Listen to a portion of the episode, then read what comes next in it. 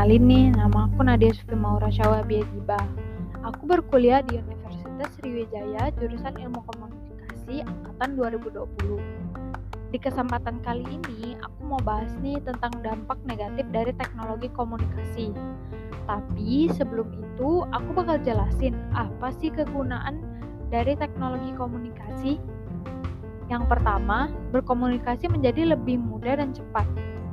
Kalian sadar gak sih dengan adanya teknologi komunikasi dan informasi yang terus berkembang, maka hal ini akan menimbulkan revolusi komunikasi di seluruh dunia. Kalau kita flashback, di masa lalu untuk mengirim pesan kepada orang lain itu membutuhkan waktu yang sangat lama loh. Hal ini terjadi karena di zaman dahulu belum ada teknologi secanggih sekarang seperti handphone. Di zaman dulu, kalau ingin mengirim pesan ke orang lain, biasanya menggunakan surat. Tetapi, coba kita lihat di masa yang sekarang. Sangat mudah bukan? Dengan adanya internet, kita bisa berkomunikasi melalui surat elektronik seperti WhatsApp, Line, Instagram, dan yang lainnya. Lalu, konferensi video seperti Zoom, video call jadi, dengan adanya teknologi komunikasi yang terus berkembang, itu dapat menghemat waktu dan juga biaya. Kegunaan yang kedua itu memudahkan akses informasi. Di zaman sekarang, internet sangat berguna. Kehadiran internet memberikan kemudahan dalam mengakses informasi dengan mudah, cepat, dan bisa kita peroleh di mana pun dan kapan pun. Dengan adanya kemudahan mengakses informasi melalui internet, hal ini memberikan dampak yang sangat besar. Salah satunya adalah meningkatkan pengetahuan yang kita miliki. Yang ketiga, proses yang ketiga, proses perdagangan dilakukan secara elektronik. Di dalam dunia bisnis, perdagangan adalah kegiatan pertukaran di mana penjual bertemu pembeli lalu melakukan pertukaran. Sebelum adanya teknologi, komunikasi dan informasi, perdagangan, perdagangan dilakukan secara barter atau bertukar barang. Tapi seiring dengan perkembangan teknologi yang terus berkembang, perdagangan kini dapat dilakukan secara elektronik atau e-commerce. E-commerce memegang peran yang sangat penting dalam ekonomi karena di dalamnya terkandung proses perdagangan yang memungkinkan konsumen untuk mencari dan membeli produk secara daring atau elektronik. Kita bisa ambil contoh Shopee, Tokopedia, Lazada, dan masih banyak yang lainnya. Yang keempat, transaksi secara daring.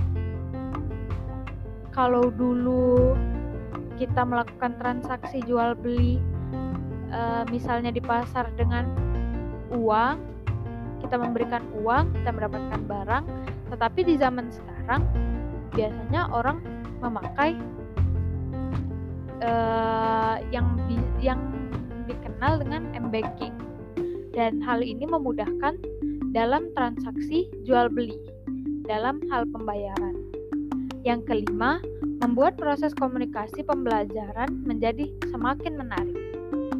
Teknologi dan informasi baru tidak hanya dimanfaatkan di bidang ekonomi saja, melainkan juga di bidang pendidikan.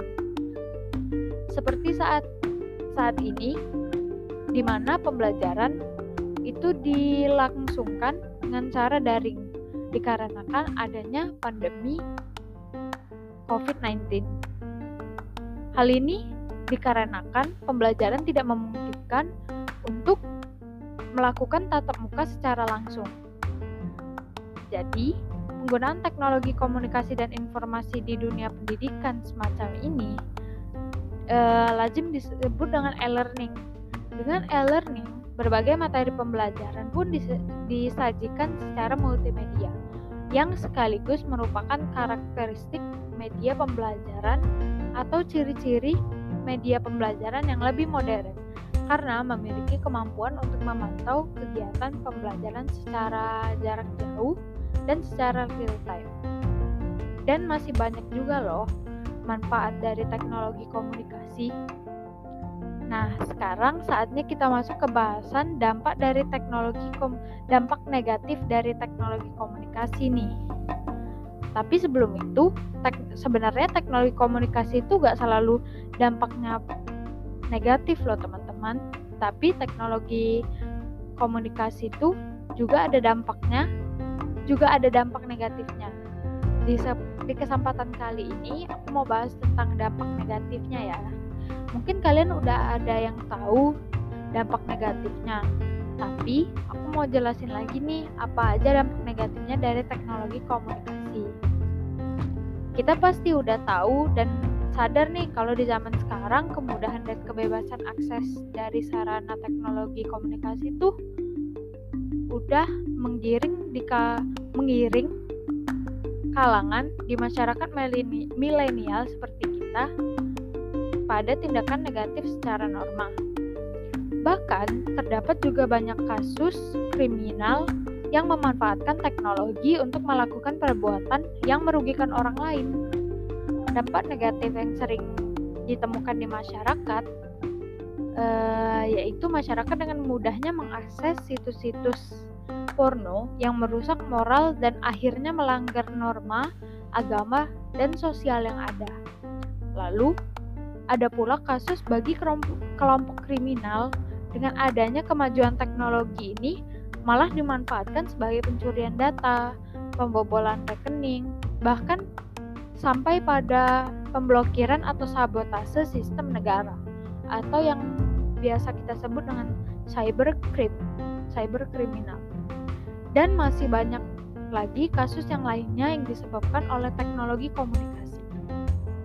Mungkin itu aja sih yang bisa aku sampaikan. Terima kasih sudah mau mendengarkan podcast kali ini dan di, di kesempatan kali ini mohon maaf juga uh, apabila terdapat banyak kesalahan dalam podcast yang saya buat. Sekian terima kasih semuanya. Sampai jumpa di lain kesempatan dan stay safe semuanya.